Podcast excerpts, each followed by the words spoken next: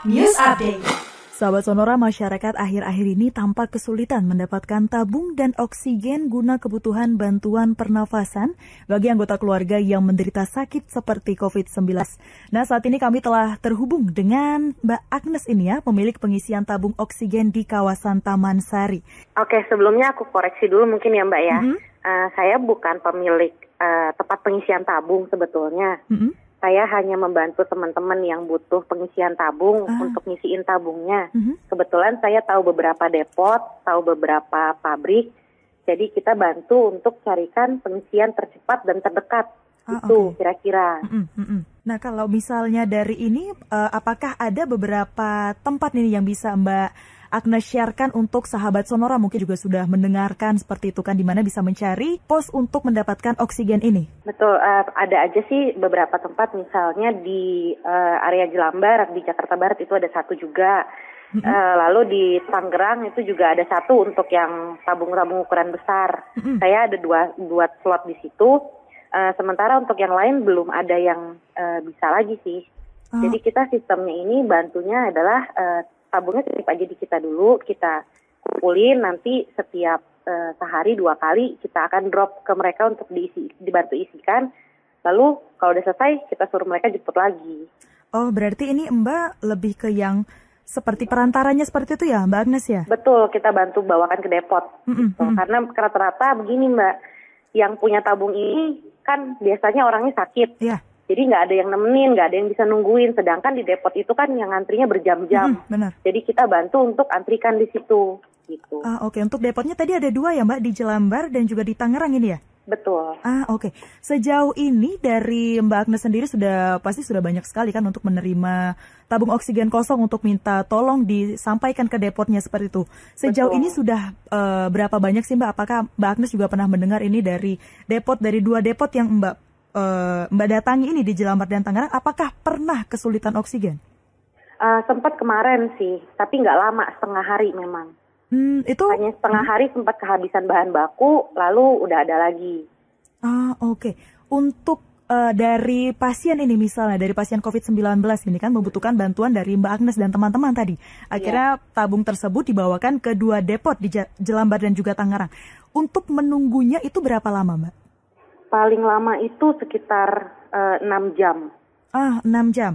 Iya betul, karena kan eh, apalagi untuk yang tabung besar ya, karena untuk penga- pengisiannya sendiri satu tabung itu yang full itu kan sekitar 50 kilo. Jadi untuk eh, kita bantu bawa, bantu angkut dan segala macam itu perlu 2 sampai tiga orang. Ah, oke. Berarti nanti setelah Antrinya sendiri ngisinya pun lumayan lama karena Hmm. dari pem- masyarakat maksudnya banyak juga yang punya satu sampai dua tabung sekali dibawa isi, kan antriannya itu panjang banget dan beberapa yang paling sering itu kalau udah mulai malam mbak.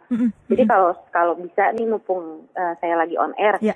untuk teman-teman yang punya depot, eh, tolonglah dibantu buka 24 jam. Mungkin karyawannya bisa digilir.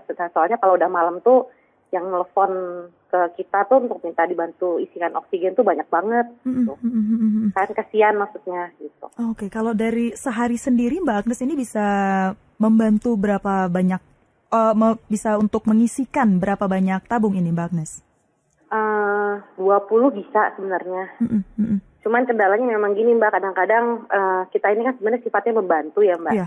Jadi eh, kita ngerti sih untuk pemilik tabung ini eh, percaya nggak percaya sama kita gitu. Bener nggak nih tabungnya kalau ditinggal, ntar kalau hilang gimana? Hmm. Apalagi kondisi tabung sekarang di lapangan harganya udah makin eh, nggak karuan mm-mm. gitu. Jadi kadang eh, kita sih terima aja berapa banyak pun. Kendalanya adalah merekanya yang eh, maunya ke depot langsung. Gitu. Hmm, oke.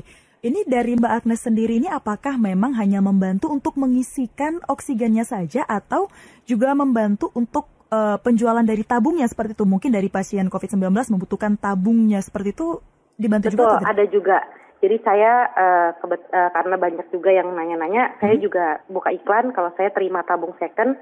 Misalkan pasiennya udah sembuh atau mungkin meninggal, tabungnya udah nggak kepake, boleh diinfokan ke kita. Nanti kita bantu carikan yang membutuhkan. Ah, oke. Kalau dari harganya sendiri ini Mbak?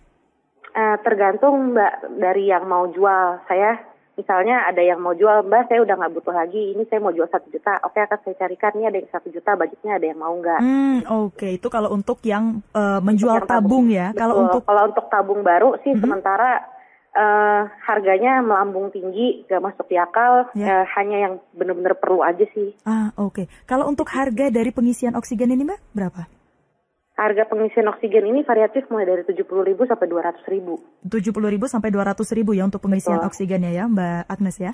Iya. Oke, baik. Mungkin dari Mbak Agnes ini bisa di-sharing juga ke sahabat Sonora ini kan yang sedang mendengarkan juga memang mm -hmm. di luar sana juga lagi membutuhkan untuk tabung oksigen, mungkin bisa dibantu untuk uh, nomor yang bisa dihubungin ini agar dapat uh, Mbak Agnes bantu juga bisa menjangkau lebih banyak, silakan. Boleh. Uh, hubungi saya di 0895 1757 6661. 0859 0895 1757 6661 6661 atas nama Agnes, benar Mbak? Iya, betul.